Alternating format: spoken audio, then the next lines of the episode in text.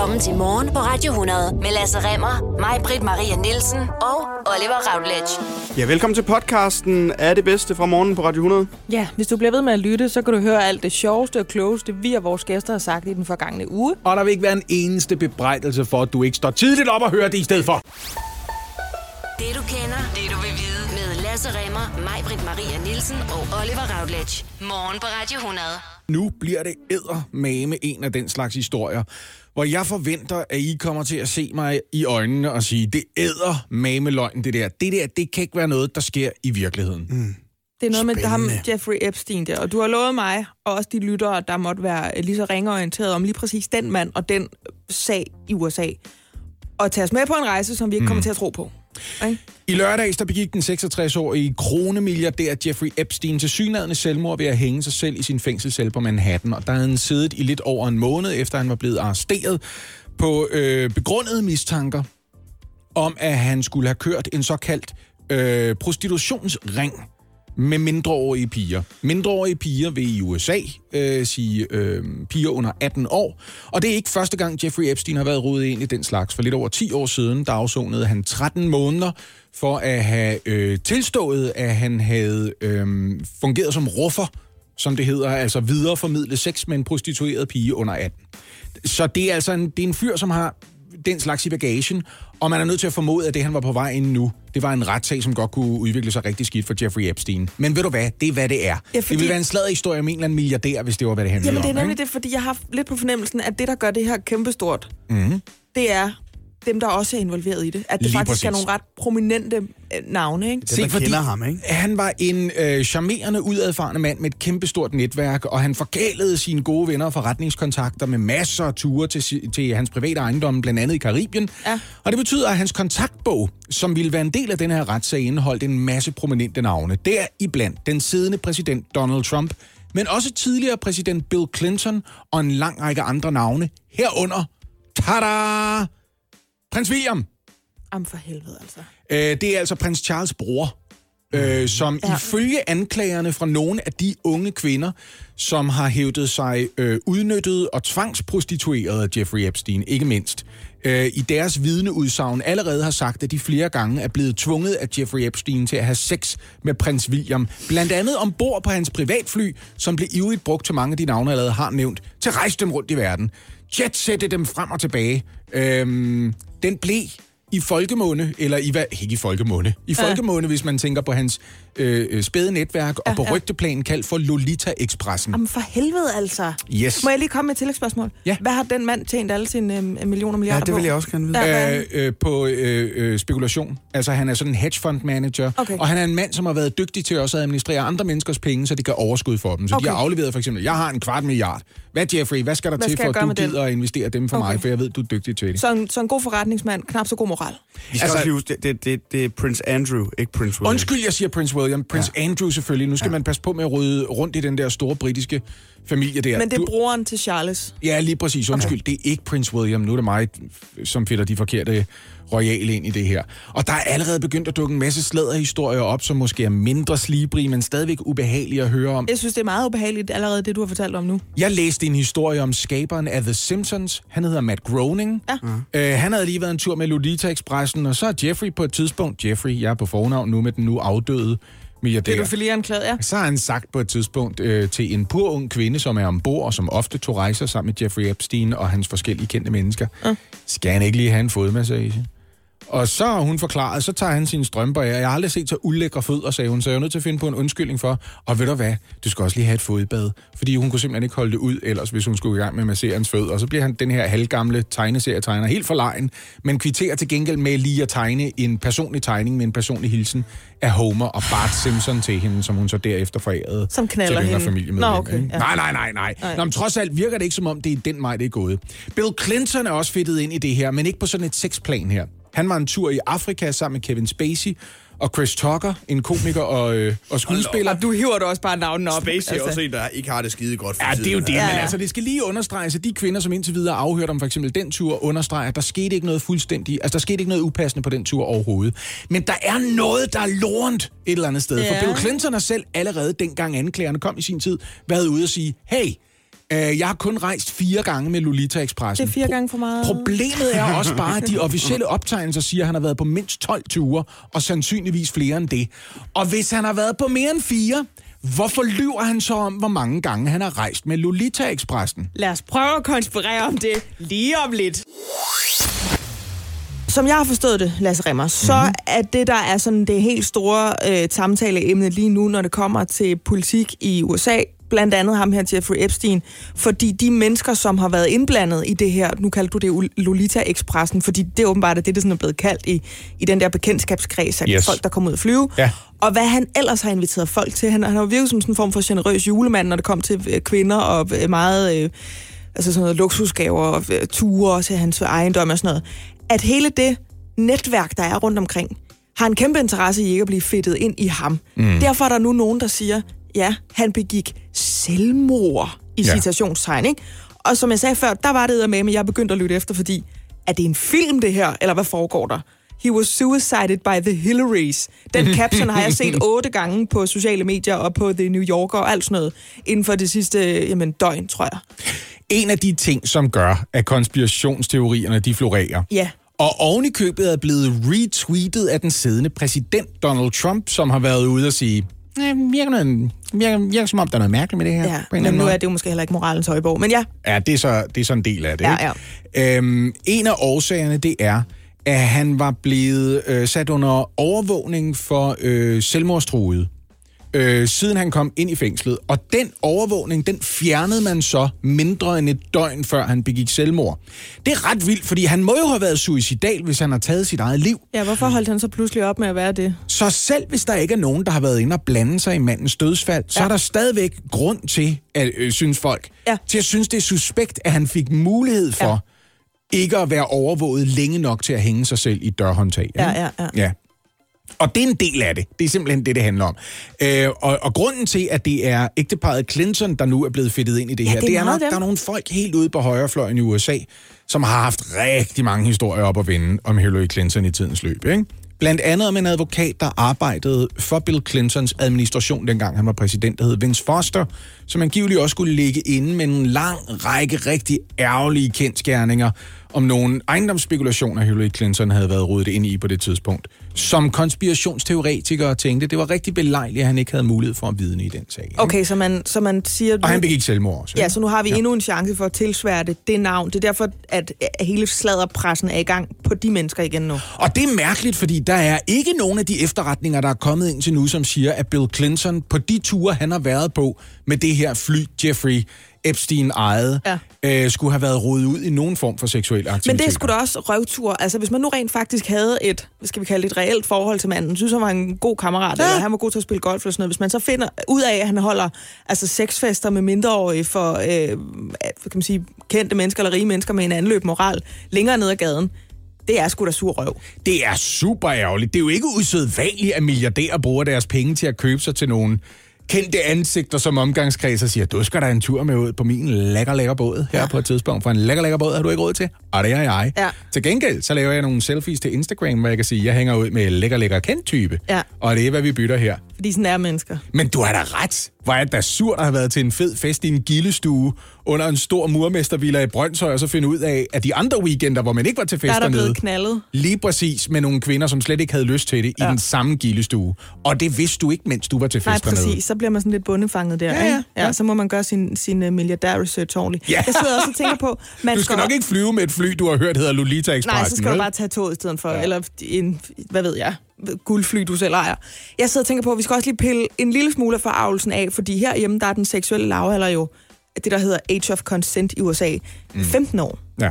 Og der, der er den 18. Den er faktisk mellem 16 og 18. Det divergerer lidt af, hvilken amerikansk stat man er i. Hvis man ikke har lavet en øh, lokal statslig lovgivning om, om den seksuelle lavalder i USA, så gælder den føderale. Ja. Så det vil være altså, som udgangspunkt... Man kan sige, at vi bevarer harmen i den udstrækning, at det her, det vidste de mennesker jo godt, som mm. nu bliver fedtet ind i det her. De vidste jo ja. godt, det må man ikke, hvis ja. hun er under 18. Herhjemme, jamen der, der mener vi så, at børn er i stand til at samtykke til, til jævnbørdig sex, når de er 15. Stjerneadvokaten Alan Dershowitz står også i den her kontaktbog, og han er også blevet anklaget for at have dyrket sex med tvangsprostituerede kvinder. Og han bliver så også i uh, hele kølvandet på det her, altså sværtet til, fordi han har skrevet papirer, hvor han siger, altså sådan nogle juridiske opinionspapirer, hvor mm. han har sagt, måske skulle vi sætte den seksuelle lavalder ned i USA, og folk de har skrevet, så er du jo pædofil, måske skal den ned på 16, men hans argument for det, det var, men hvis det er lovligt at få en abort som 16-årig, hvordan kan vi så samtidig sige, at det er ulovligt ja. at have sex som 16-årig? Ja, ja. For hvordan er du så blevet gravid? Ja, det må man jo så være blevet på ulovlig vis. Ja, lige præcis. Ikke? Det er med en sparet affære. I dag, Lasse Remmer, der starter Copenhagen Pride Week 2019. Det må være en masse forskellige begivenheder, ikke? For jeg kan ikke forestille mig, at optoget gennem København, det var så mange dage. Det tror jeg heller ikke. Nej. Hvornår er det nu egentlig, det er? Det er imod slutningen af Pride Week. Det plejer det at være, ikke? Jo, og det plejer også at være temmelig populært, faktisk. Åh oh, ja. Har du gået med nogensinde? Jeg har ikke gået med, men jeg er med med stået på ruten og vinket. Ja, jeg har nemlig stået, Jeg stod der med ungerne oven i købet, ja, og de synes, det var det bedste i verden, du. Og set alle de små unger med høreværn og øh, regnbuefarvet t-shirt ja, ja. på. Jeg har sådan lidt gjort det til en vane, at min far og jeg øh, har gået Pride, og så er der sådan kommet flere og flere til. Mm. Der er nogen, der siger, at man ikke må gå den, hvis ikke man er homoseksuel, men det tror jeg bare er noget fis. Ja, Ja, er det ikke sådan noget, hvor vi alle sammen ligesom står sammen om det her? Er det, det ikke netop nok? det, det handler om, jo, ikke? Det, det håber jeg da. I hvert fald, så er det stadigvæk noget, der bliver diskuteret, det her med priden, om den overhovedet er berettiget, og, og hvorfor der skal være sådan et postyr. Der er nogen, der synes, det er irriterende, der er nogen, der synes, det er for meget. En, der synes, det er sikkert helt tilpas, det er Lars Henriksen. Han er talsperson for netop Copenhagen Pride, og så er han med i røret nu. Godmorgen, Lars Henriksen. Godmorgen. Hvorfor er det stadigvæk vigtigt, at øh, vi har øh, priden? Allerførst kan man sige, at selv i Danmark, hvor vi er sådan, kan man sige, tilnærmelsesvis i mål på rettigheder, øh, hvor rigtig meget lovgivning er blevet ændret, så det inddrager og ligestiller LGBT-personer. Der er det vigtigt, at vi fastholder presset, for hvis der er noget, vi kan se øh, som en tendens i verden, så er det, at alle de der menneskerettigheder, som man hele tiden omtaler som umistelige og ukrænkelige og universelle, når de politiske vinde blæser den forkerte vej, så er de lige det modsatte. Så er de nogen, der kan krænkes, de er nogen, der kan mistes, og det er nogen, der kun gælder for særlige mennesker hvis der er nogen, der beslutter noget andet. Det har vi set i så mange lande, øh, bare i de sidste fem år, øh, at rettigheder, der allerede er erhvervet, de bliver øh, trukket tilbage igen. Og derfor er det så vigtigt, at vi som bevægelse bliver ved med at holde presset på de samfund, vi bor i, og de politikere, der tager beslutningerne om at stå fast ved, at det er sådan her, vi ønsker at lave samfund. Og når det er sagt, så skal vi også bruge en Copenhagen Pride Week til at gøre opmærksom på alle de øh, krænkelser af menneskerettigheder, LGBT plus personers menneskerettigheder, der foregår rundt i hele verden. Og det bruger vi også ugen til. Lars Henriksen, et af argumenterne fra dem, der måtte synes, at priden er for meget, og jeg synes, jeg ser et blogindlæg eller tre hvert år ved den her tid, der handler om, at det er for opskruet, det er for meget fjerbord, det er for seksualiseret, hvorfor tager I børnene med? Det er, at folk de synes, det er altså for meget i citationstegn, øh, og at de heteroseksuelle jo heller ikke har fået et optog til deres seksualitet. Hvad siger du til den slags øh, holdninger? For det første er det jo hetero pride hver dag. Øh, så, så det vil jeg da straks imødegå. Den anden ting er at sige, det er, at hvis man ikke føler sig repræsenteret i Copenhagen Pride af dem, der går i paraden, og jeg har øh, svært ved at forstå, hvordan man kan være publikum og stå og kigge på 50.000 mennesker, der går forbi, og tænker, der er ingen af de her, der bare tilnærmelsesvis ligner mig. Men pointen er, hvis man ikke føler sig repræsenteret, så kan man ikke lægge ansvaret for at være repræsenteret i Copenhagen Pride over på nogen som helst andre mennesker. Hvis man vil være repræsenteret, så er der kun én vej, det er ved at gå med selv og sige, sådan her repræsenterer jeg i verden, sådan her er min identitet, det her det er det, jeg står for. Man bliver ikke mere til stede i Copenhagen Pride ved at sende mig ud og pille hver tiende paljet af en drag queen. Så er der bare øh, sket det, at jeg er ude og begrænse et andet menneske i deres fuldstændig legitime udtryk, men du er stadigvæk ikke repræsenteret. Siger du, der er plads til en ladvogn med 20 revisorer, der venter på et nummer med, øh, med Big Fat Snake? Hvis der er 20 revisorer, der udover at vente på et nummer med Big Fat Snake, også bakker op om de værdier og de mål, som Copenhagen Pride står for, og vil gå ud og slå et slag, være med til at demonstrere for en mere rummelig verden, en mere mangfoldig by, en, mere, øh, en, en større accept af forskelligheden og øh, en kamp for ligeværdighed, så er de også velkomne. Altså de her, dem, som vi så taler om nu, som ikke er enige i den her øh, demonstration, øh, optog, øh, folkefest, kald det hvad vi vil, øh, det kan jo også være, fordi de simpelthen er grundlæggende uenige i, at det er super duper at være homoseksuelle, og det er vel også derfor, man stadigvæk har øh, altså brug for at, at demonstrere retten til at være homoseksuel, fordi det er der altså nogle steder, folk ikke har forstået endnu, øh, også visse ja, grupper i det her land, der ikke er accepteret, ikke? Særligt, så vil jeg sige, så, så er der jo altid sådan en, en underliggende øh, gnist af homofobi i de her blogindlæg, øh, som i virkeligheden handler om, at man meget gerne vil begrænse vores plads i verden. Og det kan man så gøre ved at sige, at vi er for seksualiseret, som du sagde før, eller at vi har for mange portier på, eller at vi sviner for meget, eller vi larmer for meget, eller der er danser for Men ændrer I de menneskers holdninger? Tror du, I ændrer de holdninger med sådan et optog her? Jeg tror, at vi venter, ændrer holdninger hver eneste gang, at folk tager stilling og er en del af en dialog. Øh, I virkeligheden, så kan man sige, Harvey, Harvey Milk, som var en amerikansk politiker, som desværre blev skudt i 1978. Ja, øh, fordi han er sagde, homoseksuel. Præcis. Han sagde, at det, som er synligt, kan ikke ignoreres. Og det aller, aller vigtigste, hvis man skal have en plads i verden, og hvis man skal overhovedet have nogen til at tage stilling til en, det er, at de ikke er i stand til at ignorere en. Og Pride'en er en synlighedsbevægelse. Det handler om at gøre det usynlige synligt.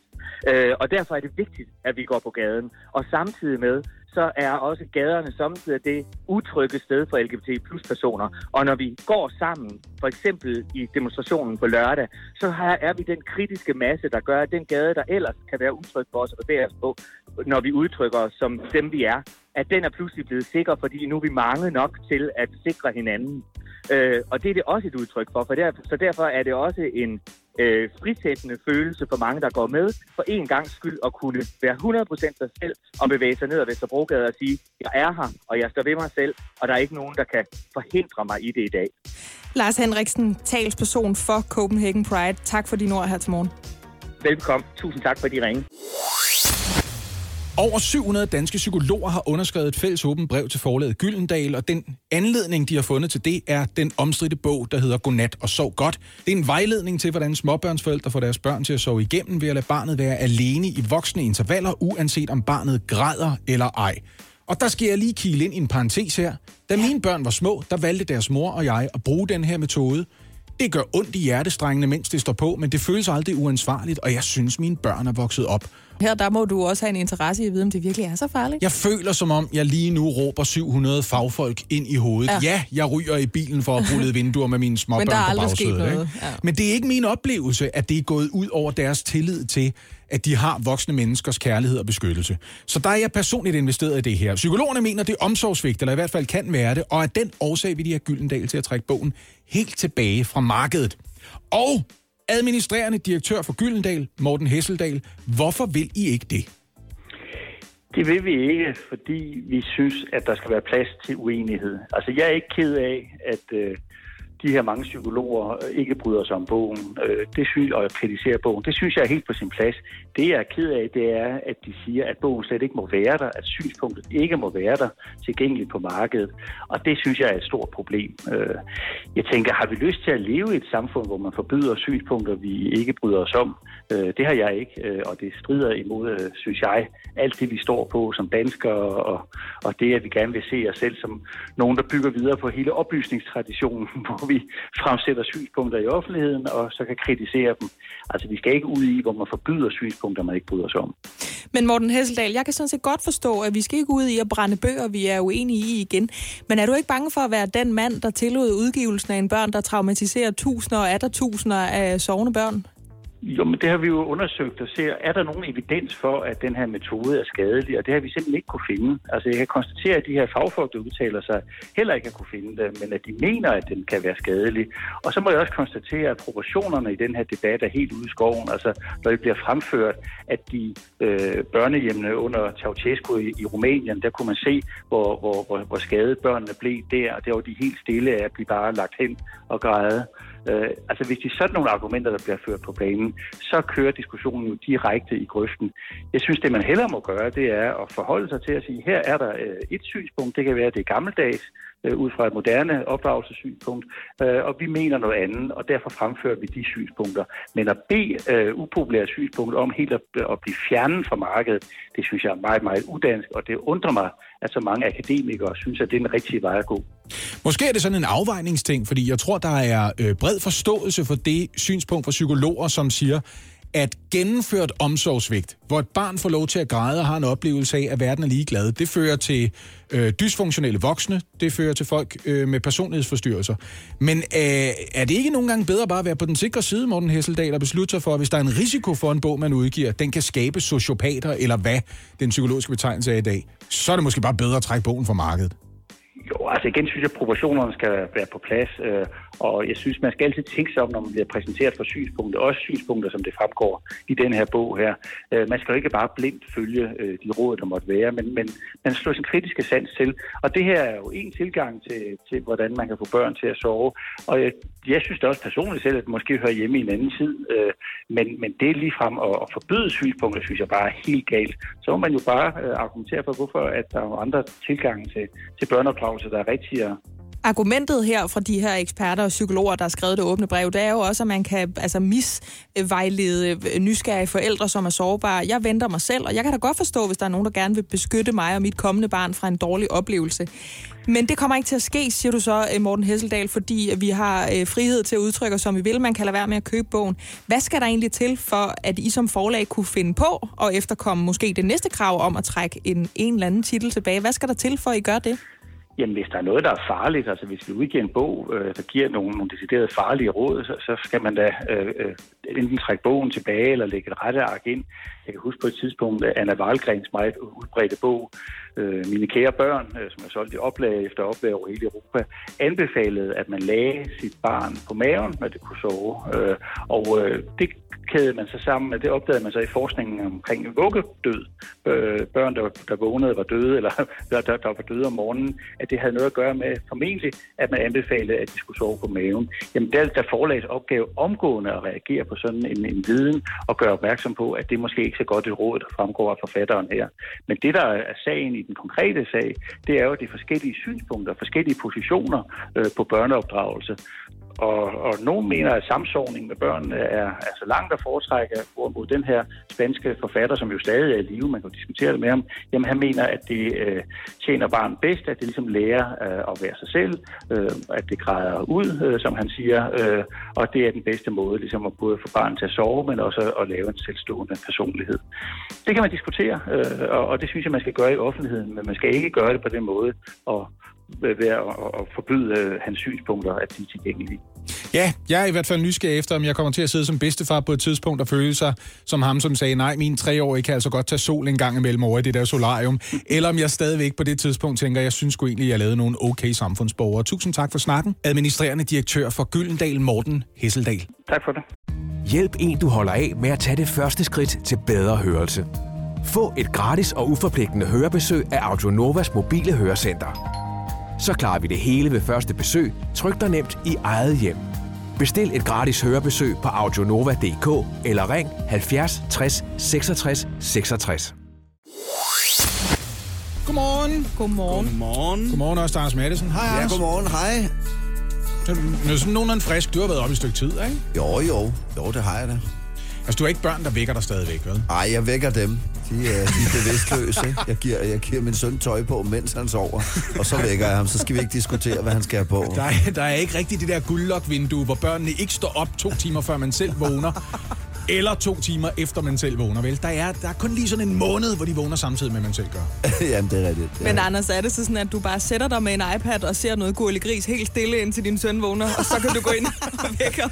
Nej, jeg, jeg er underlig nok. Jeg er jo storforbruger af sådan noget at sidde og kigge ting på nettet og, og, og, og fjerne os, men ikke om morgenen. Jeg kan ikke holde lyden af fjernsyn ud om morgenen. Det, så øh, nej, nej. Jeg, jeg går i bad, og så vækker jeg ham. Slut færdig. Jeg kunne godt tænke mig øh, frem mod klokken halv ni, hvor vi er så heldige at have dig på besøg, og tale lidt om, hvornår du egentlig så rent faktisk sover. Fordi hvis man kigger lidt på, hvad du har haft gang i øh, hen over det sidste års tid, hvor du også har været hen hos os et par gange, så virker det som om, du bare har holdt op med at sove. Jamen, kan du se, det er jo på den fjerde kop kaffe her til morgen. Og Ja. Det er, også, øh, det, det er ikke helt forkert. Jeg sover for lidt. Det, Godt. Jamen, det har vi tænkt os at rode bød på. Vi lægger dig lidt i seng. Ja, tak. Ja. Godmorgen. Det her er Radio 100. Men det kan du jo lige så godt vente dig til, øh, uh, Marbrit. Du er på vej mod termin, ikke? Jo, Dag for jo. dag. Det er selvfølgelig da. Det er, sådan, det, er være, det er sådan, det er at være forældre. Man overlever på en kombination af koffein og lusinger. Fra sine børn. Ja, ja, ja. Nogen er jo nødt til at uddele dem, og man kan jo ikke gøre det selv. Det er helt klart. Hvis man lærer sine børn at slå kærligt, men bestemt en gang. Men altså, nu er jeg jo også morgenradiovært. Den fordel har vi jo. Vi kommer jo til at vække vores børn. Øh, eller vores kommende datter i hvert fald. Jeg ved ikke, om vi skal have mere end en. Det kan være, det ikke går så godt, må vi se. Du skal op. Du skal høre mor. Nu skal du op. Så klokken 6, lille Men at spark til vuggen. Så kan du godt komme op. Så er der radio. Det er jo yours, ja.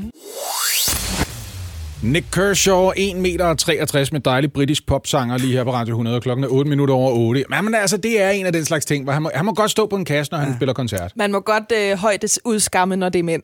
Og når han man er en kæmpe succes som Nick Kershaw, er det ikke rigtigt? Jo, jo. Han har social pondus til at få at vide, at han er ikke mange lorte høj, ikke Anders Madsen? Hvor høj var han? En meter 63. Nå, ham vil jeg gerne møde. Det er nærmest, det er nærmest som Mikke Øgendal, ikke? Det er ikke meget galt, faktisk. Mikke Øgendal med hæl. Øh, helt 1,69, officershæl. Ja, ja, ja, jeg, har, jeg har fire værdifulde centimeter på ham. Så den tværer hans næse, hver gang vi ses. Det er, også, Ej. det er også det eneste, jeg har på ham. Jeg skal gifte som øh, halvanden uge, ikke? Ja. Og øh, Mick var med øh, til det første bryllup. Det er indtil videre, altså Med en anden køn. Halvdelen af de bryllupper, jeg har været for to til for anden gang med den samme. Ja, øhm, og, og Mick sagde bare med et forlegnet smil, da han ankom til festen, øh, det, det, det købte over i juniorafdelingen. Nå, tøjet. Øh, størrelse 16 år. Om for pokker. Nej, men han så pissegodt ud.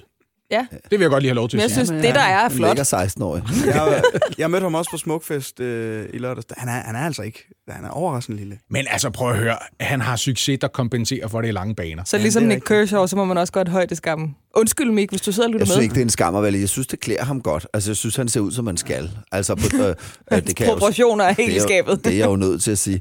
Nej, nej, nej, men, nej, nej, men jeg synes ikke, at man skal have en bestemt højde. Jeg har, jeg har aldrig ønsket mig at være en centimeter højere, vil jeg lige sige. Og det kan da godt være, at det er bare mig, der synes, jeg selv er så, så dejlig, og det er mig, der er helt sådan, øh, hvad hedder det, lever i en drømmeverden. Men Nej. Jeg synes, at det er rart, at folk har forskellige størrelser. Ja, jeg det synes jeg er fint. Det passer ikke lige godt til alle Nej. at være kæmpestor eller høj. eller- Nej, han er sådan lidt en... Øh, Mick er sådan lidt Conor McGregor-wiry. Hvordan kan det være, at vi er inviteret... Hvorfor sidder vi og snakker om Mick? Jeg skulle lige til at sige, nu har vi brugt to minutter på at snakke om Mick. Jeg Jeg skulle ikke, have vi haft ham ind i stedet for, at skal jeg ringe ham op. Og... Undskyld, det må du fame undskylde. Det er fint. Det var kun fordi, jeg sagde Nick Kershaw, en meter 63, Nå, ja. så gik alt galt. Ja. Det var simpelthen det, jeg tingene gik Nå, så har vi givet noget shine til Mikke Øgendal. Det gør heller ikke noget. Han skal jo snart på turné, har jeg hørt. Men- Ja, snakker om det. Men, men Anders, du var jo også på Smuk. Du var der i søndags. og Jeg var der i søndags. ikke? Jo, jo. Hvordan er det anderledes optræde på en festival, end de her shows, som du har lavet siden januar? Øh, altså alle showsene, jeg har lavet øh, siden januar, har været meget forskellige. Det har været Ja. meget, meget små steder og store steder, og øh, så på den måde kan man sige, de, man kan jo ikke sige, at de alle sammen er på en måde, og så er Smukfest anderledes. Men det er jo ikke så tit, man står for 30-40.000 mennesker på, øh, ved, ved højlysdag udendørs. Og det gør det jo, det gør det jo i hvert fald noget anderledes. Ikke? Øhm, mm.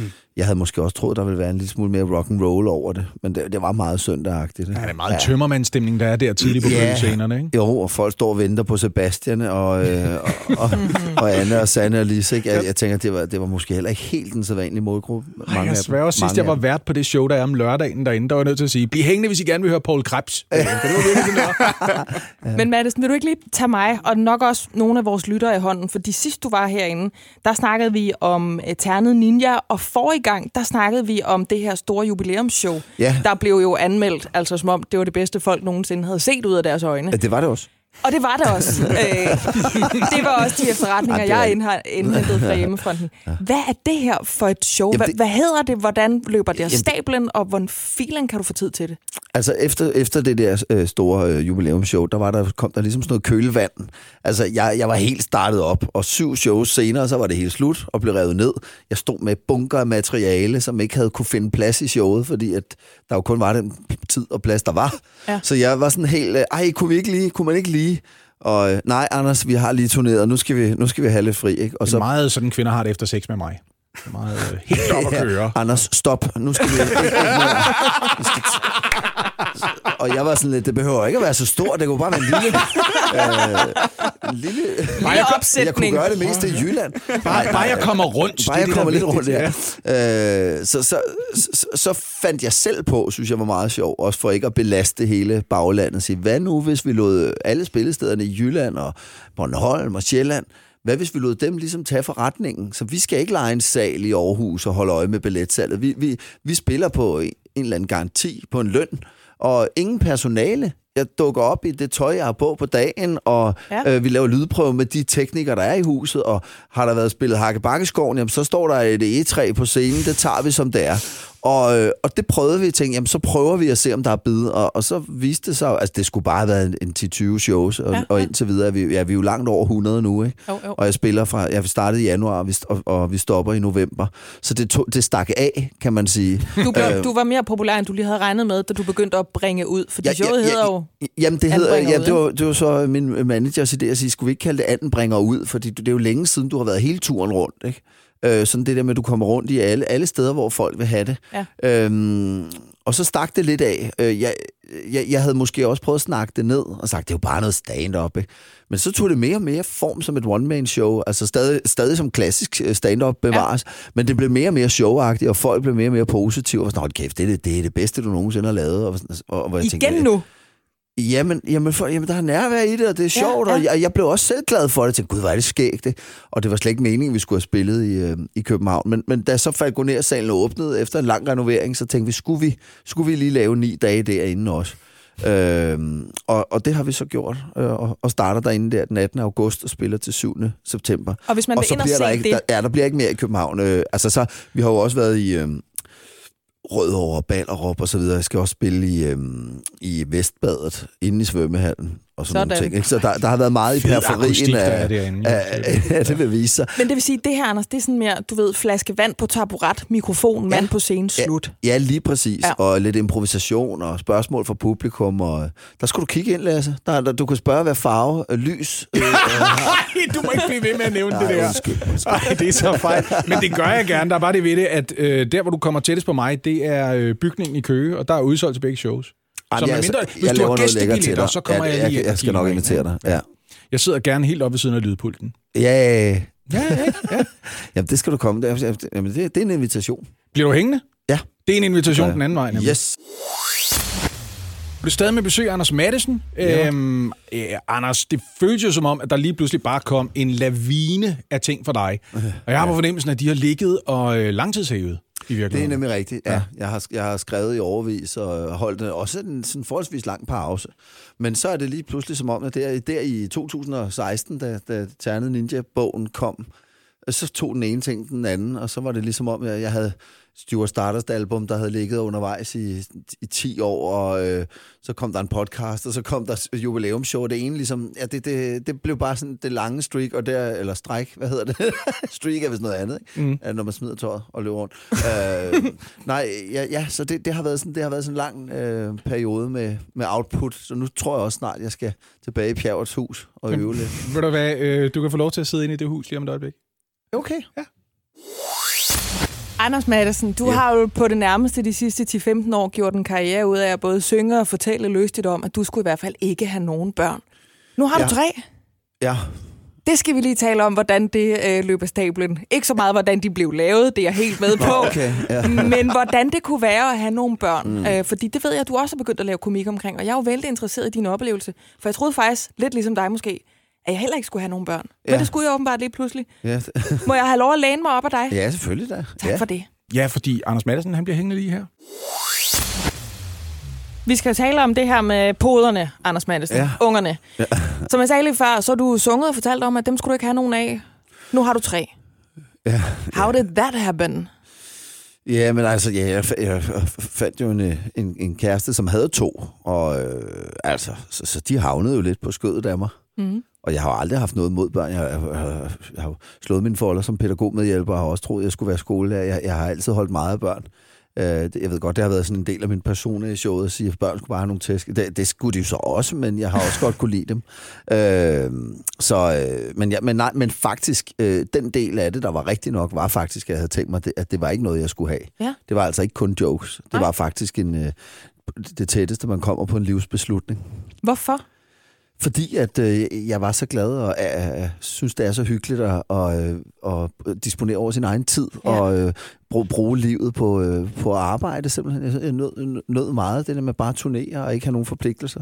Og øh, den del af det øh, kan jeg da stadig savne. Altså det der med bare at øh, hele tiden kunne tænke det, man har lyst til, uden at blive afbrudt i det. Ikke? Men, Hvad skete der men så, det betyder du- ikke, at jeg har fortrudt ungerne. Altså, øh, de, de er jo dejlige og, og skønne. Ikke? Men grunden øh, til at spørge, og sådan læner mig lidt op af din erfaring, det er nemlig fordi, jeg havde det fuldstændig som dig. Ja. Jeg havde ikke lige en masse stand-up shows, og den Nej, nej. samme sådan, øh, jeg skal bare arbejde.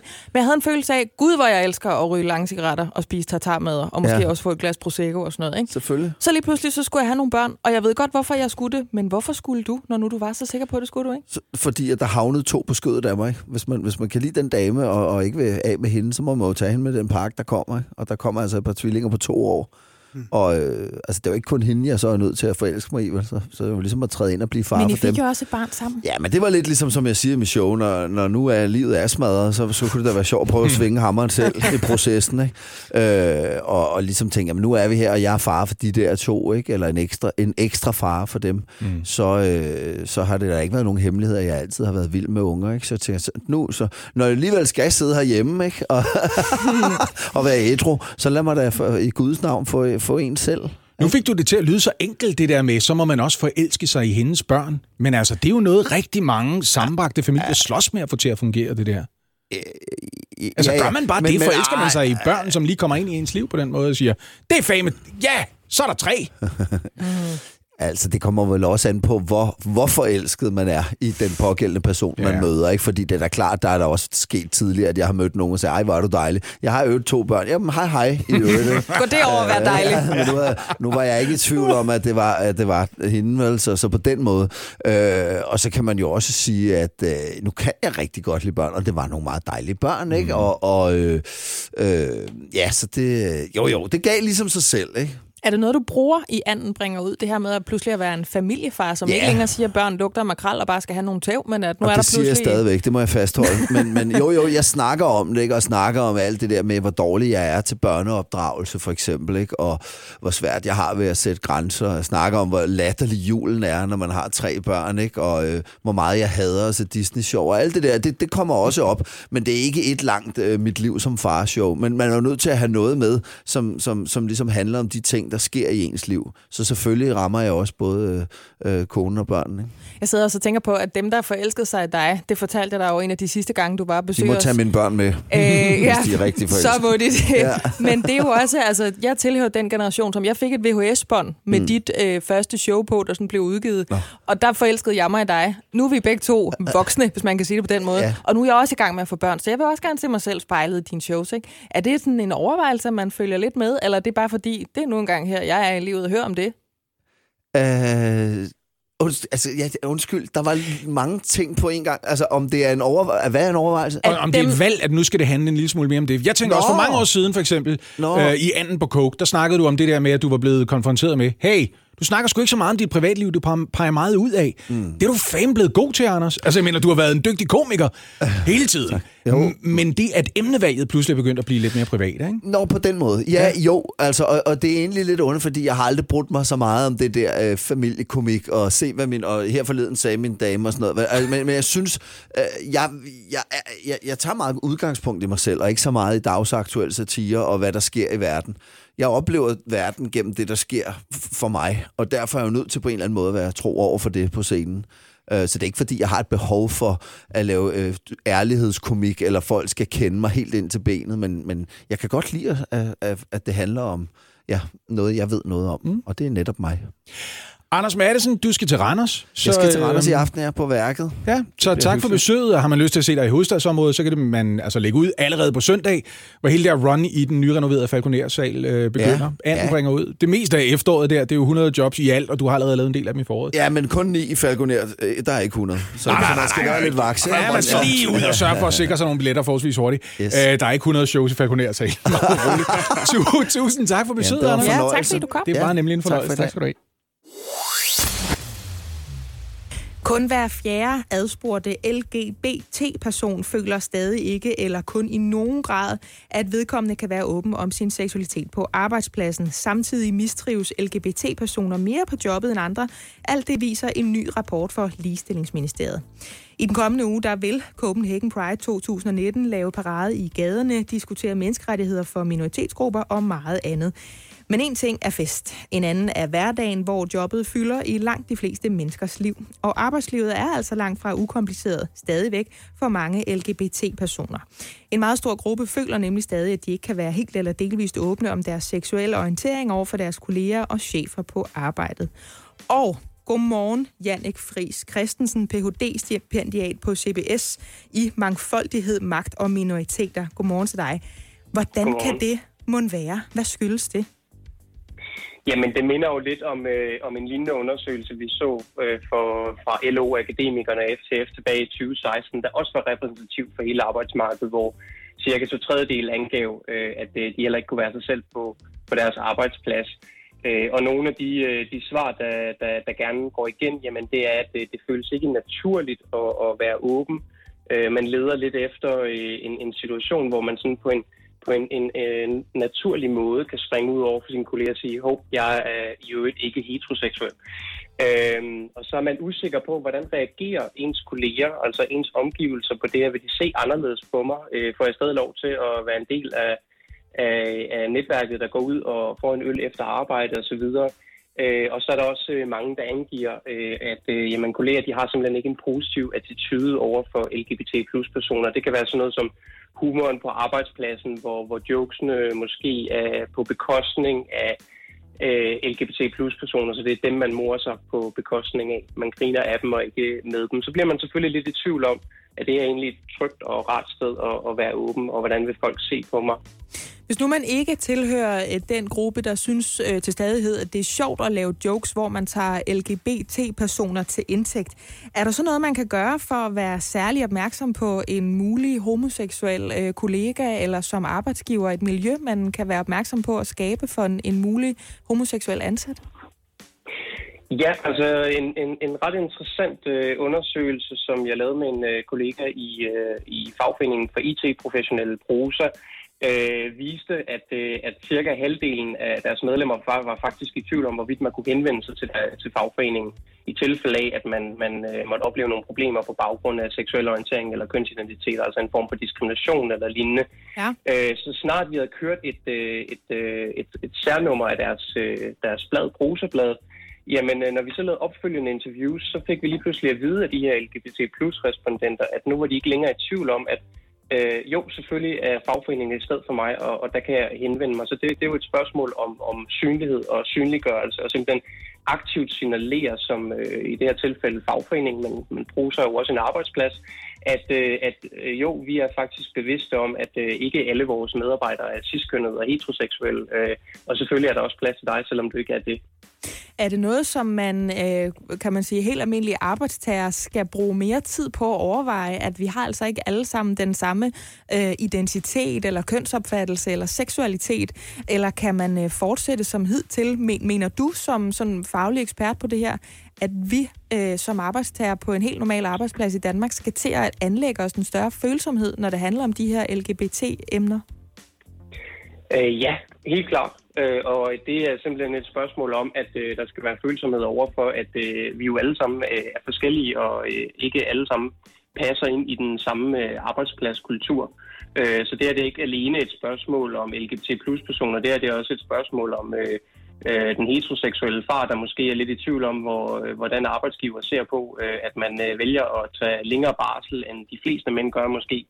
Øh, det er også et spørgsmål om, at øh, man måske får øh, en medarbejder ind med minoritetsetnisk baggrund, øh, og som måske per automatik bliver sorteret fra fra, øh, fra diverse fester osv., fordi det antages, at vedkommende ikke drikker alkohol, og man derfor ikke kan være med til festen osv. Så, videre. så det her med rent faktisk at arbejde med, hvad er det for nogle normer, vores, øh, vores arbejdspladskultur øh, er, er bygget op om, og øh, bliver de i nogle tilfælde unødigt ekskluderende for, for nogle af vores medarbejdere. For det forholder sig nu engang bare sådan øh, i en dansk kontekst, at øh, arbejdspladskulturen er meget privatlivsdelende.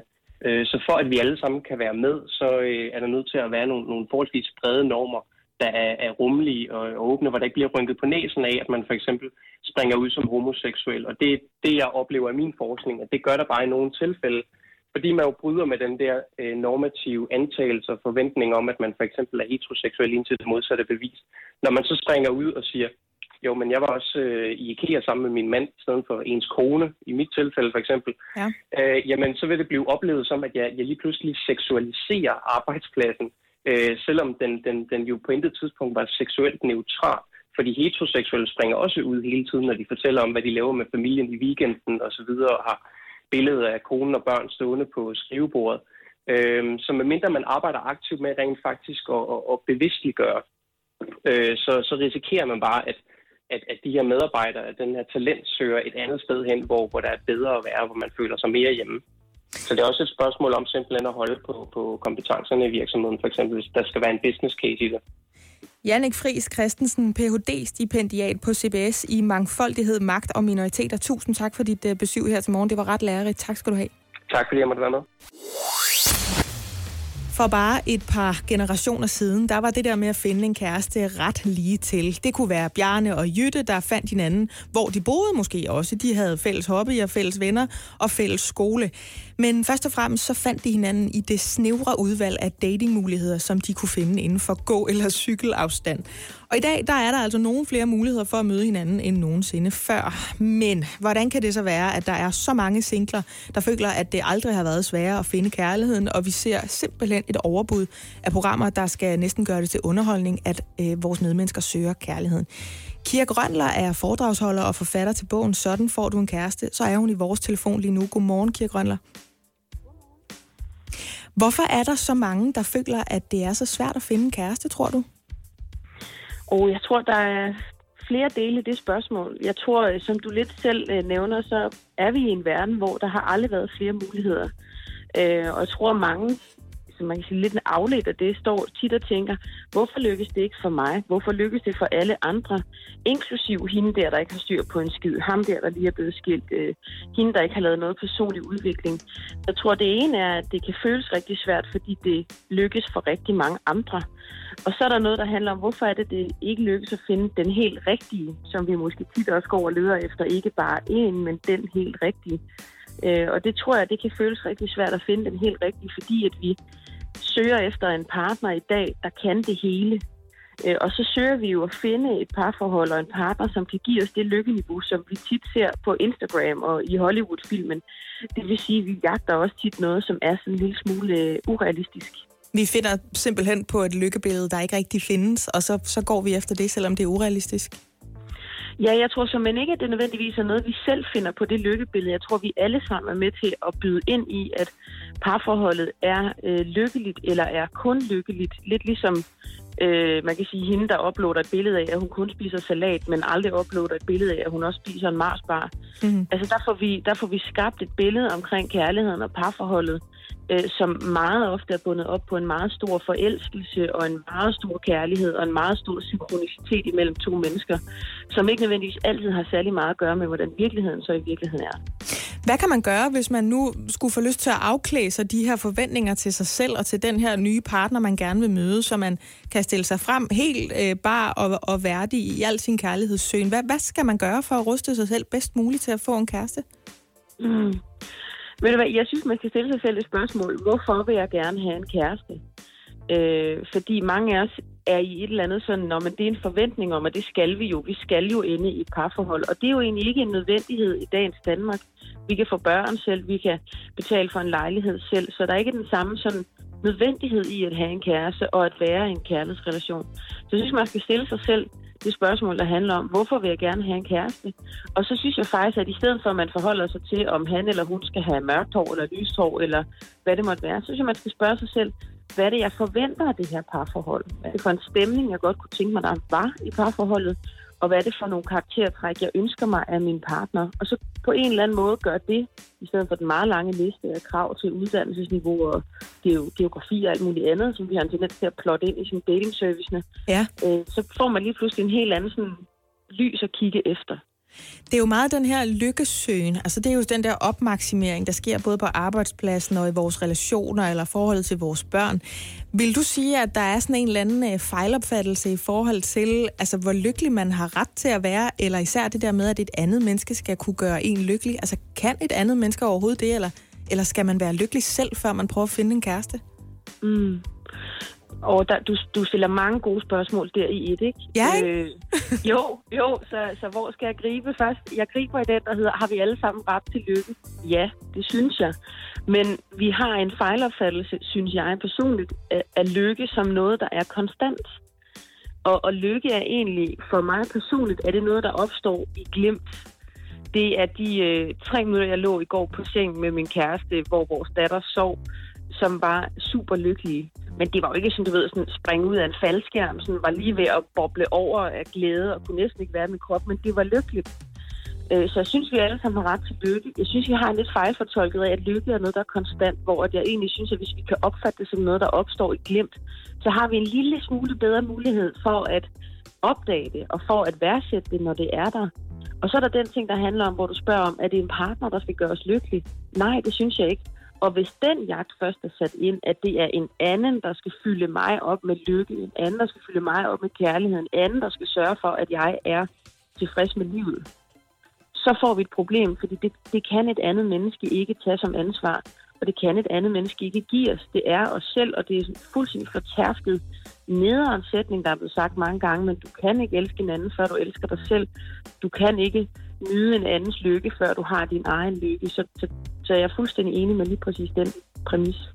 Kira Grønler, foredragsholder og forfatter til bogen Sådan får du en kæreste. Tak fordi du ville være med her til morgen. Selv tak. Man finder ud af, hvornår de der gamle Disney-film der, de blev releaset, så føler man sig som et gammelt røvhul lige pludselig. Jamen, du er også 30, mig, Britt. Jamen, jeg er også gammel. Men jeg er også i et meget, meget fast parforhold.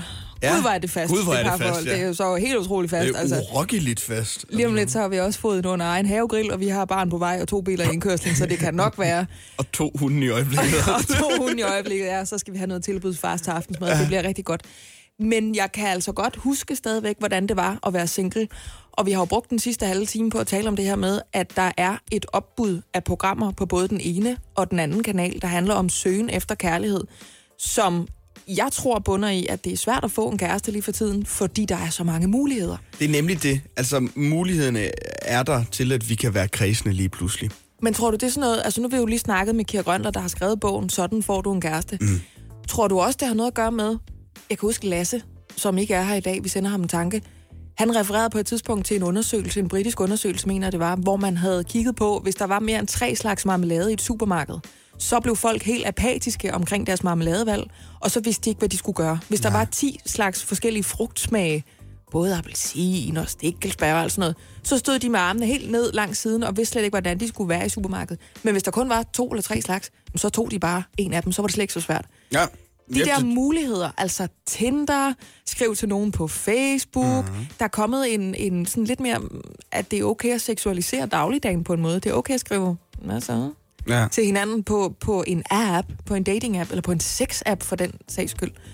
Tror du, det gør sådan lidt, Nå, men så ved jeg ikke, så er der for meget i buffeten til mig. Jeg tror 100% at, valgmulighederne er blevet for mange Ja. for den single øh, person i øh, 2019, eller øh, ja, 18 også for den sags skyld. Altså, der er virkelig mange muligheder for, hvordan du kan gå ud og øh, komme på date med en person. Altså, der, du kan stadigvæk selvfølgelig classic øh, Gå over og give dit telefonnummer, hvis du ser en sød person. Men det er der bare ikke Ja. folk, der gør mere. Altså, Nej, det gør man ikke. Og jeg tror også, at meget af det her, det bunder sig i altså, mulighederne, når man kommer væk. Fordi jeg tror stadigvæk, at de venner, jeg har, øh, som stadig bor i Jørgen, og som har været kærester med deres kærester, siden de gik i, øh, i folkeskole, ikke? Ja.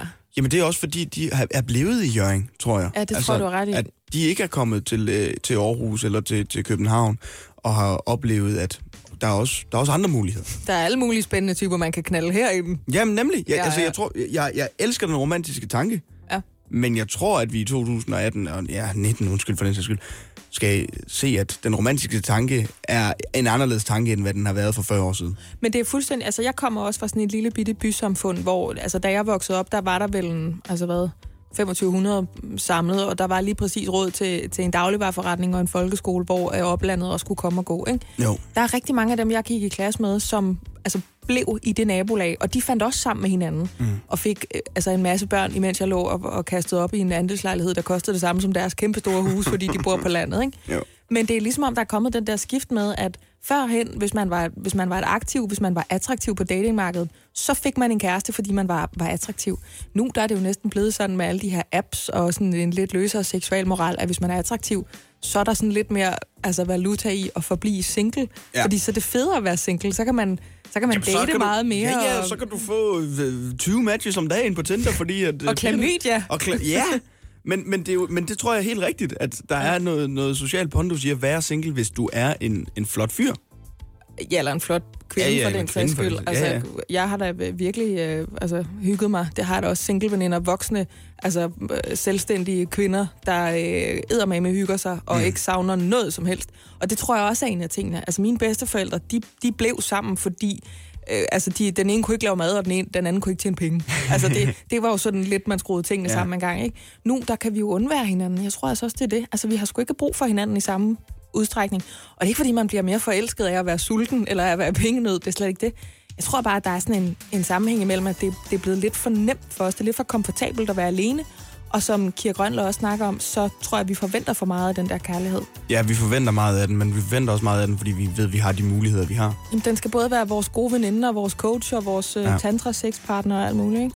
Hjælp en, du holder af med at tage det første skridt til bedre hørelse. Få et gratis og uforpligtende hørebesøg af Audionovas mobile hørecenter. Så klarer vi det hele ved første besøg, tryk dig nemt i eget hjem. Bestil et gratis hørebesøg på audionova.dk eller ring 70 60 66 66. Vi skal videre til mælkechokolade. Ja. Øhm, fordi, Oliver, nu har du ikke nogen børn, men hvis du får en datter på et tidspunkt, Ja. øh, og hun så også bliver rødhåret, ja. så kan du glemme alt om, at hun skal være med i en reklamefilm for mælkechokoladen Milka. Ja, det er super. Det passer mig glimrende. Jamen, det er jeg ked af, men altså, jeg er nødt til at skuffe alle, der sidder med faktisk rødhåret og overvægtige børn, som måtte være på vej i puberteten, fordi der er ingen af dem, der er interessante for mælkechokoladevirksomheden Milka. I hvert fald ikke, hvis man spørger det castingfirma, Spotlight hedder de, som har slået et stillingsopslag op, hvor de leder efter en smuk og uskyldig pige i alderen 9-12 år, og pigen må ikke være i puberteten. Okay. Er du krænket indtil videre? Nej.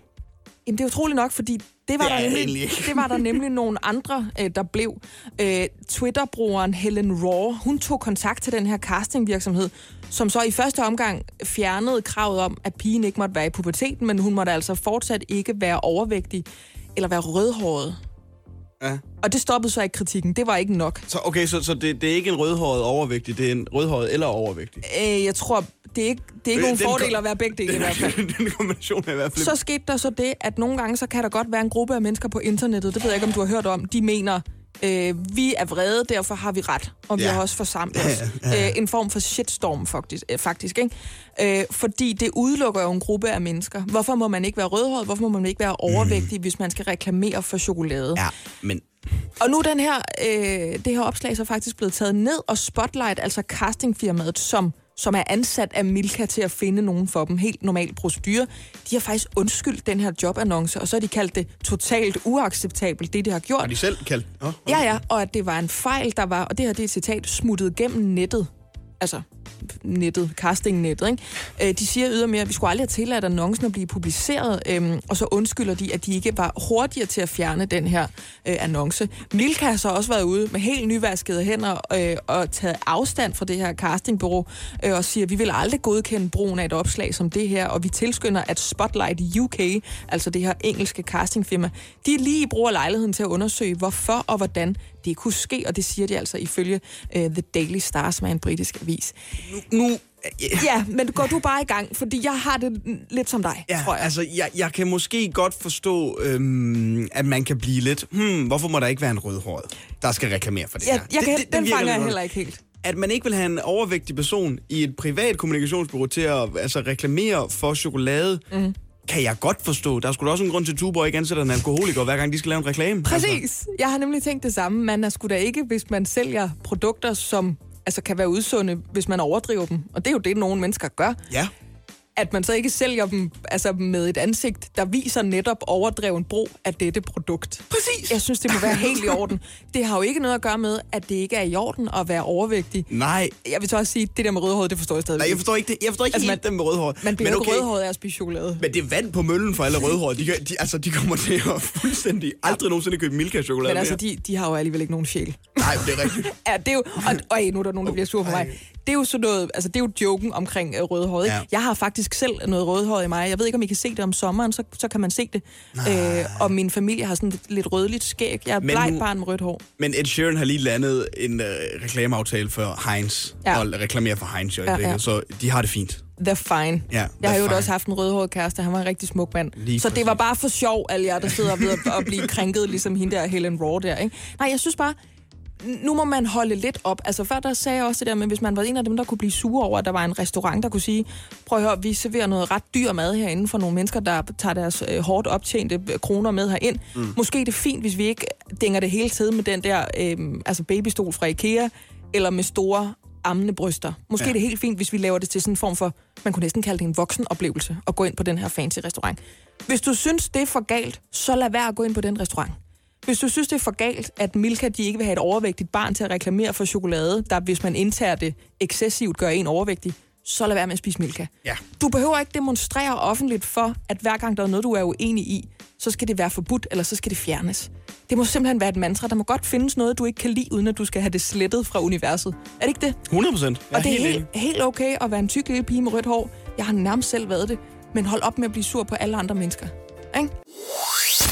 Så fortæller jeg om det der pinkwashing i stedet mm, for. Og ja, det tak. betyder ikke at være sig i skridtet, Olli. Selvom man lige troede det Jeg måske, troede- da man ja. hørte det først. Ikke? Mm. Det er simpelthen, øh, for det første lånt er selvfølgelig whitewash, altså hvidvaskning. Okay. Og i denne her sammenhæng, der skal vi tale om det, når det kommer til LGBT-bevægelsen. Ja. Ja. Skråstreg rettigheder, skråstreg awareness. Okay. Fordi vi har alle sammen godt set, hvordan øh, virksomheder og institutioner lige pludselig får knaldet de der regnbuefarver øh, på deres facader. Ja. Danske Bank har gjort det, Nationalmuseet har gjort det, Vi- øh, Kongelig Teater har gjort det. Vi snakkede om det den anden dag også, altså hvordan at folk lige pludselig omfavner de her øh, regnbuefarver, som... Kom og få en regnbuekaffe Ja, i nemlig. 7-Eleven. Sådan noget der, ikke? Og det er den, øh, kan man sige, øh, kommercielle, og nu laver jeg citationstegn i luften, udnyttelse. Og så tager jeg også fingrene ned og siger, jamen, er det måske en udnyttelse? Mm-hmm. Er netop det budskab, at menneskerettigheder, seksuel retfærdighed, altså identitær retfærdighed, er for alle, som LGBT-miljøet nogle gange godt kan blive lidt anstrengte over. Og det er det, der hedder pinkwashing, at man simpelthen altså, hvidvasker det, man har af kommersielle interesser for at optjene en profit, på at udnytte at sige, at vi synes også, det er en god idé, at alle mennesker har lige rettigheder. Mm. Og så er det så, hvad de diskussionen kan starte. Ikke? Øvrigt kan jeg lige tilføje, det hedder pinkwashing, fordi man første gang i 92 faktisk så det her begreb, der knyttede det sig bare til en kampagne for øhm, brystkræft, altså en awareness-kampagne omkring kvinders brystkræft, øh, oplysning og forebyggelse osv. Og det var der, hvor der var nogle virksomheder, der tog den der, det ved I godt, den lyserøde sløjfe, man også stadigvæk kan gå med som brush eller sådan noget. Ikke? Den tog de til sig, og derfor fik det navnet pinkwashing. Igen, at man tager øhm, en, en demonstration eller en bevægelse eller en, en, en værdiladet øh, diskussion på sig, for at vise, at vi er tolerante, vi er moderne, vi støtter den her bevægelse, men i virkeligheden så gør man det kun, fordi man gerne vil tjene nogle penge. Men altså, det er jo det, øh, kapitalismen gør på godt og ondt. Det er Sådan ligesom, siger, kan, kapitalismen. kan vi tjene nogle penge på at lægge os op af noget, som folk forbinder med noget fedt, så er det da det, vi gør. Benetton gjorde det tilbage i 80'erne på ligesom at sige, vi er dem, der er super antiracistiske. Prøv bare at se vores billeder. Ja. Det er bare United Colors, mand.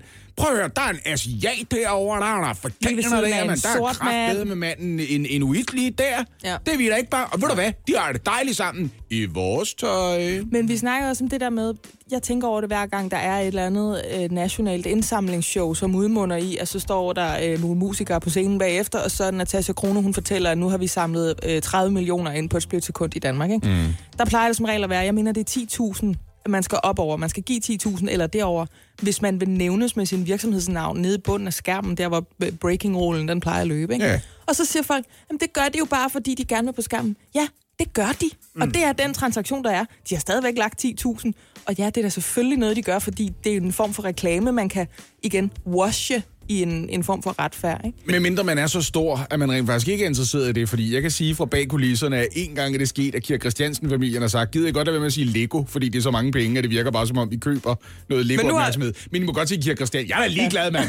Jeg er ligeglad. Jeg har ikke fået lov til at være med i Knæk Cancer i tre år, mand. Så kan de kraftede med. Så kan de lære det. Og ja, det er det, den her historie handler om, at Lasse ikke bliver ringet op. Ej, men jeg det var, ikke, sige, det, det var ikke det, jeg prøvede at sige. Jeg prøvede Nej. at sige, at, at øh, det fede ved det her, hvis man ser på det udefra, det er vel, at det er så indlysende en omfavnet sag, hvor vi alle sammen er enige om, at homofobi er noget lort, for eksempel. Ikke? Yes. Og vi skal alle sammen være her, og vi behøver ikke hele tiden rende rundt og pille i hinandens seksualitet. Mm. At lige pludselig så står der en masse mainstream virksomheder og tæ- tænker, det er vi så enige om, vi kan tjene penge på det. Præcis. Ja. Og det er en meget romantisk tanke at sige, at man ikke skal gøre det her. Og jeg kan selvfølgelig, altså, men det er bare, øh, sådan er virkeligheden bare ikke. Altså, hvis du Jamen, har en forretning, sige- og der er noget, du kan tjene penge på, og du ved, yeah. at du kan øh, altså omfavne det og få en masse folk med dig, Jamen, så gør du da det. Det er vel den hver, en hver person, der gør det med en forretning. Men det er vel altså, den fornemmeste ophøjelse i sådan øh, det normale ligeværdige samfund. Det er vel, der er nogen, der gerne vil tjene penge på det. Præcis. Altså, Ja. at man er blevet så mainstream, ikke? Det er da 100 procent derfor, hver eneste gang, der er et jubilæum knyttet til H.C. Andersen, så er der nogen, der laver H.C. Andersen-tilbud og så videre. Men der er ikke så skide mange Hitler-uger rundt omkring i Matas, vel? Jamen, det er det, jeg mener med, at det, DR godt kan lide. På DRK, der er hver uge Hitler. ja, det er ikke fair enough. Jeg vil så også lige sige bare lige hurtigt. Jeg har været hende, der sad altså, som en af de ukendte og tog telefonen og fik de rigtige beløb ind. Mm. Ikke som Lasse Remmer, der skulle ho, sidde ho, med en eller anden butterfly på og se fancy ud. Jeg har altså også talt med mennesker, som sat ned med havde mønten, ikke? Ja. Også, også nogen, som vi godt ved, hvem er, og som ikke nødvendigvis blærer sig med at have mønten, som sagde, jeg vil godt give det her store beløb. I skal ikke sige, hvem jeg er. Det er meget vigtigt for mig, at I ikke siger, hvem jeg er. Præcis. Det var sådan, okay, det er fandme, det er balls, det er sejt, ikke? Men det var altså det der pinkwashing der. Det kommer oprindeligt af sådan en awareness-kampagne for brystcancer. Det er den lyserøde sløje, for det er derfor, det hedder pinkwashing. Mm. Og det er altså sådan en, en mulig irritation over, at man tager et formål på sig for at profitere på det. Om det er rigtigt eller forkert, det, øh, det kan få lov til at blæse, hvad hedder det, blæse i vinden sammen med Bright-flaget, ikke? Mm. Er det ikke flot? Og måske er vi rigtig flot. så heteroseksuelle, at vi bare skal blande os udenop, faktisk. Ja, Men det gør vi ikke. Men det der skal vi også snakke om senere på Ja, morgenen. 100 procent. Vi kommer til at tage en snak lige nu, som tager afsæt i nogle ord, ingen har lyst til at høre på noget tidspunkt om, øh, af dagen, og muligvis heller ikke klokken 10 minutter over syv om morgenen. Hvorfor skal vi så? Øhm, men det har jeg en rigtig god grund til, fordi vi skal lige gennem ordet, og så lover jeg jer, at der venter noget, der er det hele værd på den anden side. Okay. Okay. Bliver I hængende hos mig? Er I med mig? Ja, Så sig ja, det. Ja, så sig det. Følger I mig ind øh, i bræschen? Ja, men du skal afsløre snart, hvad det er, vi skal snakke om. Det er Jamen, så jeg- jeg- forfærdeligt. Jeg prøver at gøre det en lille smule, ikke? Ja. Fordi vi kommer til at tale om kræft. Ja, okay, den grimme en der. Er I ja. her stadigvæk? Er I gået? Ja, nej, nej. er Fedt, fint. godt nok, for nu er bliver det voksne fedt. mennesker, vi kan godt tale om noget, der er bundseriøst også. Nå, det var godt. Nu er jeg ja, rigtig glad igen. Kom med det. Øh, man har i lang tid diskuteret i øh, kræftforskerkredse, hvad er den rigtige måde at tale om sygdommen på, i særdeleshed med folk, som er blevet ramt af den, og deres pårørende. Er det en god idé at bruge krigsretorik? I ved den slags, hvor man siger, hun tabte kampen til kræft. Åh, den der, ja. Ja, ja. øh, vi er gået i clinch med den her problemstilling. Ikke? Det er øh, krigen mod kræft, som angriber din krop.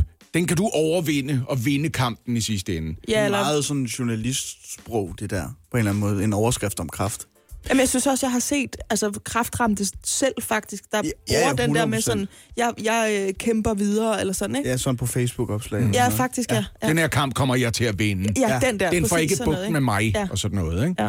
Og det er en af de altså, helt få sygdomstilstande, hvor vi har vendt os til at tale på den måde om sygdommen. Muligvis fordi vi ikke er i nærheden af at finde en egentlig kur. Jeg ved det Ja, ikke. ja. Nå, men man har diskuteret i lang tid, at det er så den rigtige måde at gøre tingene på. Og nu viser ny forskning, foretaget Queen's University i Canada og University of Southern California i samarbejde, at det er måske ikke altid en god idé at bruge lige præcis de ord, når man taler med folk, som skal i gang med en kræftbehandling. Ej, Og jeg skal fortælle jer, hvorfor. ja, tak. Fordi det virker udmattende, simpelthen. Det er hele tanken om, så du siger til mig, at jeg har en virkelig alvorlig sygdom, som kan ende med at slå mig ihjel, og nu skal jeg i gang med at knokle, så er det lige før, det også kan være lige meget. Kommer jeg ikke til bare at bukke under under alle omstændigheder? Ej, det, kan jeg, det har jeg ikke overskud til. Så det kan faktisk tage modet fra folk, hvis man bruger den retorik. Det er i hvert fald det, den her forskning tyder på. Og det er noget, man lytter til i Danmark, også blandt kræftforskere her. Som alle sammen siger, det er et spørgsmål om lige at tage udgangspunkt i den enkelte patient, når man sidder over for nogen med den her elendige nyhed. Ja. Jeg kommer tilbage med resultaterne af prøverne. Lad os lige starte her. Ja. Øh, det ser ikke godt ud. Nej. Så nu har jeg sagt det, og så kigger vi på, hvad skal der ellers ske for dig? Så siger de, så er det vigtigt at tage afsæt i den enkelte patient og finde ud af, har jeg fat i en ressourcestærk patient? Har jeg en, der kom ind på mit kontor med en guldmedalje fra det seneste halvmaratonløb i København om halsen, og en lille øh, øh, plastikbakke med selvrevne øh, gulerødder, som de spiser med en lille plastikgaffel, ikke? Ja. Øhm, Men jeg, jeg tænker også på det der, hvis man får dårlige nyheder, og man så har antaget den der kæmpe retorik, kan man så tale om, så har du ikke kæmpet nok? Altså det, ja. jeg, det jeg kan tænke, det er, at det udlejer et ansvar til den stakkels person, der er blevet ramt af den her sygdom. Mm-hmm. Men det er jo ikke noget, altså man, man kan jo ikke, og nu sidder der nogle alternative behandlere og siger, jo, det kan man godt. Det har vi også diskuteret, at man skal lade være med.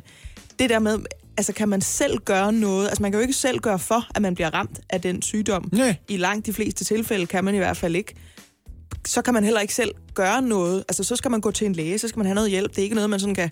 Så man kan ikke kæmpe med retorik på Facebook eller sådan. Also, hvis du så rent faktisk ender med at, at miste dit liv til den sygdom, har du så ikke kæmpet nok? Ja, præcis. Har du så tabt den krig, som du blev stillet i? Altså, Skulle du have været en bedre soldat? Skulle du have gjort en større indsats? Ja. Skulle du have trænet du mere? ikke kæmpet nok for dit land? Jamen, det, det, er sådan, det lægger et ansvar, som jeg synes, det, det har man egentlig ikke fortjent, hvis man har fået kræft. Jeg har aldrig kunnet lide den måde at tale om det på. En klog mand sagde noget engang, som jeg ikke har glemt, siden jeg hørte det. Og det var, jeg er ret sikker på, at når du dør, så dør kræftcellerne også, så du har ikke tabt til kræften. Nej. Den, det er højst uafgjort. Ja, så det er ikke så dårligt gået, når det kommer til stykket. Lad være med at fortælle dig selv, at det her er en kamp, du har ansvaret for at vinde. Ja. Fordi der er nogen, der har i særdeleshed ressourcesvage patienter.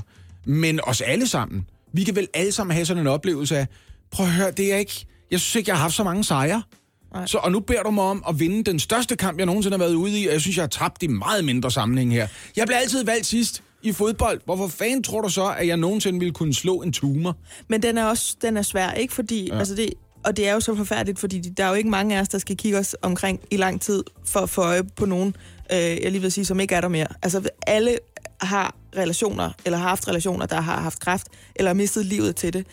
Det er svært at kigge et menneske ind i øjnene, som har altså, jamen nu prøver jeg næsten selv retorikken, vundet over kræften, ikke? Mm-hmm. Altså, det er så indbruddet i os. Ja, nemlig. og så sige, du må ikke tale om din sygdom på den måde. Nej, nej, nej, det har man fandme Altså, ikke lov til. Jeg nej. vil aldrig kunne finde på at kigge på nogen og sige, lad være med at tale sådan om dig selv og Ja. den sygdom, du har. Det rager ikke nogen andre mennesker. Vi Men takler det på den måde, vi bedst kan. Når det ikke? så udmunder i noget, noget forskning, der viser, at hvis, hvis lægestanden taler om det på den måde, så kan det godt skabe endnu en opgave. Altså nu skal jeg først forstå, at jeg er syg, jeg har kræft, det, det er meget, meget alvorligt, måske det er livstruende, mm. men jeg skal også have en opgave mere, mm. altså jeg skal også kæmpe, ikke? Og det er der nogen, der gerne vil have. Der er nogle mennesker, der er stærke mennesker, der siger, det er det fede ved det, det kan jeg klare, det der. Ja. Fortæl mig, hvad jeg skal spise, og hvad jeg skal gøre for at øge mine chancer mest muligt. Og så er der andre, der ligesom bare tænker, jeg, kan- jeg kan ikke engang overskue det, når du taler om det på den måde. Nej. Så det er et spørgsmål om at tage udgangspunkt i, hvem vil gerne i krig, og hvem vil egentlig bare gerne have noget behandling og noget Ja. omsorg. Ja. Og så finde ud af at, at takle det Og med tage det ansvar der, så folk ikke selv sidder med følelsen af, at nu, nu skal jeg også være soldat. Men jeg synes også, det er vigtigt, som du siger, at det er jo læger, der ligesom har indputtet i os, at nu er det en kamp, at det måske også er der, man så får det at vide, at det ikke er en krig, du er ude i nu. Ja. ja, ja, at man ikke taler om det på den måde, hvis det er det. præcis. hvis det er det, der skader folk et eller andet sted. Men altså, som sagt, man skal ikke blande sig i, hvordan andre mennesker taler om det. Ikke er helt, vel? med dig, ja. Mm, nu kan det godt gå hen og blive sådan en lille smule... Oh, kan vi næsten tåle mere? Men det kan vi godt, fordi det skal vi. Vi snakker Pride. Øh, I dag er den sidste dag i øh, Copenhagen Pride, hvor vi sender i hvert fald. Det kulminerer jo i morgen. Mm. Hovednavnet er Infernal. Et band, der i øvrigt har støttet LGBT-bevægelsen fra før det blev, skal vi kalde det populært, altså fra før vi sådan snakkede om det her pinkwashing, vi har behandlet ja. tidligere på morgenen. Ikke? Altså en gang, hvor man har henvendt sig til et langt mindre publikum, fordi Pride'en også var et langt mindre fænomen, for eksempel. Ja. Der er de stadigvæk, Pau og Lina, stillet sig op og sagt, vi vil gerne være med til at skabe en fest. Fra før det blev sådan noget, du kunne tage din øh, spældt pølsehorn med ned i trækvognen, og du havde også din datter i en Pride-t-shirt, og så de store høreværn på. Før det blev sådan en familieudflugt for den almene dansker, der var de også med. Før du stod der med din latte inden fra Espresso House med et rigtig rainbow gay pift af Før noget du stod karamel og i. viftede ja, med hænderne op ved granola. Ja.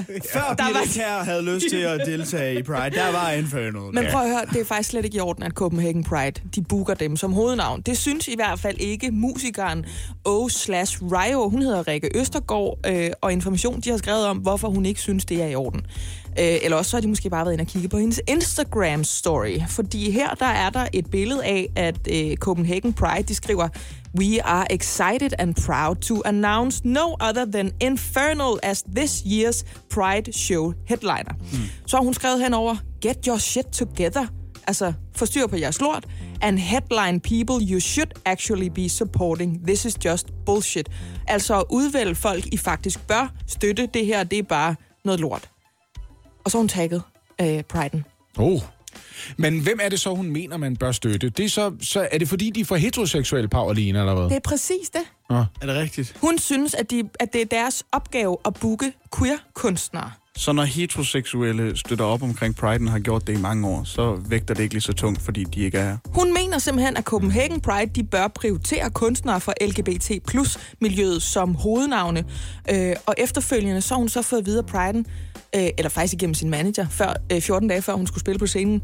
Du skal ikke spille alligevel, øh, og du får heller ikke din løn. Så stod der godt nok i hendes kontrakt, at hvis hun blev opsagt 30 dage før hun skulle spille, så skulle hun have sine penge alligevel. Det har Priden sagt, det, det kan vi ikke øh, have noget med at gøre. Hvis der er mere med dig, så må du tage fat i vores advokat. Mm. Så hun føler, hun har fået mundkur på, fordi hun har kritiseret Priden, men jeg ved ikke helt, hvad hun havde regnet med. Øh, jeg skal nok komme tilbage til det der værdispørgsmål. Men hvorfor er det... Altså, hvorfor er det, man gør det til en festival, man gerne selv vil være med til at bakke op omkring? Måske. Nu skal man passe på med at svare på andres vegne, men måske er tanken. Prøv at høre, det er svært nok at få spillejobs i forvejen, hvis du ligger lidt i randområdet af, hvad øh, herre fra Danmark synes er fedt at gå til koncert med. Hvis du ikke lige stiller op af en gang Paul Krebs, men du i stedet for står lidt med en... Hvad, hvad det er, peger i begge retninger, det der. Øh, hun er... Men hun har også nogle træk som, og hun har valgt at klæde sig som... Hvorfor går hun hele den der ting. Mm. Så kunne jeg godt forestille mig, at man står og tænker, i det mindste ved den her lejlighed, så skal man fandme have lov til at spille en koncert. Vi må fandme booke hinanden og støtte hinanden på den måde, ikke? Nogen, der slet ikke har det på den måde, det er så Copenhagen Pride selvfølgelig, og derunder deres kommunikationschef. Han hedder Thomas Rasmussen, og han siger til Information, for det første, så synes vi, det er enormt dårlig stil at gå efter et andet band, der skal optræde, og for det andet, så havde, det også, havde vi det også lidt underligt med at få at vide, at en kunstner, som vi skal have på scenen, betegner hele Copenhagen Pride som bullshit. Og det kan jeg sådan set godt forstå. Og må jeg så ikke nok have lov at sige, som jeg har forstået det, mm. så handler priden om, at seksualitet, køn, identitet skal være ligegyldige i den udstrækning, at menneskerettigheder de finder fælles anvendelse, hvis du er et menneske. Det vil sige, at de må ikke betyde noget. Det skal sådan set være ligegyldigt, om du er en mand eller en kvinde, eller om du er transkønnet mand eller transkønnet kvinde, mm. eller om du er en transkønnet bøsse eller en transkønnet øh, lesbisk kvinde. Det er fuldstændig ligegyldigt, fordi du er et menneske, du er dejlig, du har lov til at være her. The more the merrier. Kom bare. Hvorfor er det så, at køn og seksualitet lige pludselig må betyde noget, eller faktisk betyder så meget, at der er en, der ikke har lyst til at være med, eller synes, det er noget bullshit, fordi de har den forkerte seksuelle overbevisning? Kunne det sige sådan her måske, at hvis vi er enige om, at det alle gerne vil have, det er, at man ikke kan sige, hey, du, du må lige, ikke være med, fordi du er Du er lige lidt for eller... bøsset. Ja. Så kan man heller ikke sige, du er ikke bøsset nok. Men det er præcis det. Er det ikke det? Fordi ellers så render vi rundt med sådan en guldvægt, der siger, hvad lige til pas queer, hvad lige til pas lesbisk, hvad lige til pas bøsset, hvad lige til pas trans. Men det er jo for fanden, hvis hele formålet er, at det skal være ligegyldigt. Ja. Den anden dag, der snakkede vi også øh, med øh, en CPS-stipendiat, der, der har forsket mangfoldighed og magt, og øh, de her minoriteter, og han siger, at der er sådan set stadigvæk nogen, der ikke synes, det er rart at være homoseksuelle på deres arbejdsplads. Vi skal derhen, hvor at det er lige så legitimt at sige, at jeg var i IKEA med min mand, som det var, jeg var i IKEA med min øh, kone. Mm. Hvis det her det får lov til at fortsætte, så får vi jo bare det modsatte. Så bliver ja. det sådan en modsatrettet krav med, om så, så er du for heteroseksuel, så skal du skamme dig over det. I hvert fald, altså. vi kan slippe for, at man render rundt hele tiden og har så pissetravlt med, om andre mennesker gør det rigtigt eller forkert. Ikke? Rikke Østergaard, hun siger, jeg bliver irriteret over den her booking af Infernal, fordi jeg havde andre forventninger til, hvem Priden giver tid på deres scener. Priden er i sin oprindelse en demonstration for synligheden af LGBT plus personer, ikke en festival. Og der tror jeg måske nok, at vi må, være, altså vi må sige, det, det er blevet en folkefest, fordi yeah. majoriteten her i Danmark er enige om, det er fuldstændig ligegyldigt, hvem du elsker. Mm. Bare du opfører dig ordentligt, så må du være her. Morgen på Radio 100 med mig, Britt Maria Nielsen, Lasse Remmer og Oliver Routledge.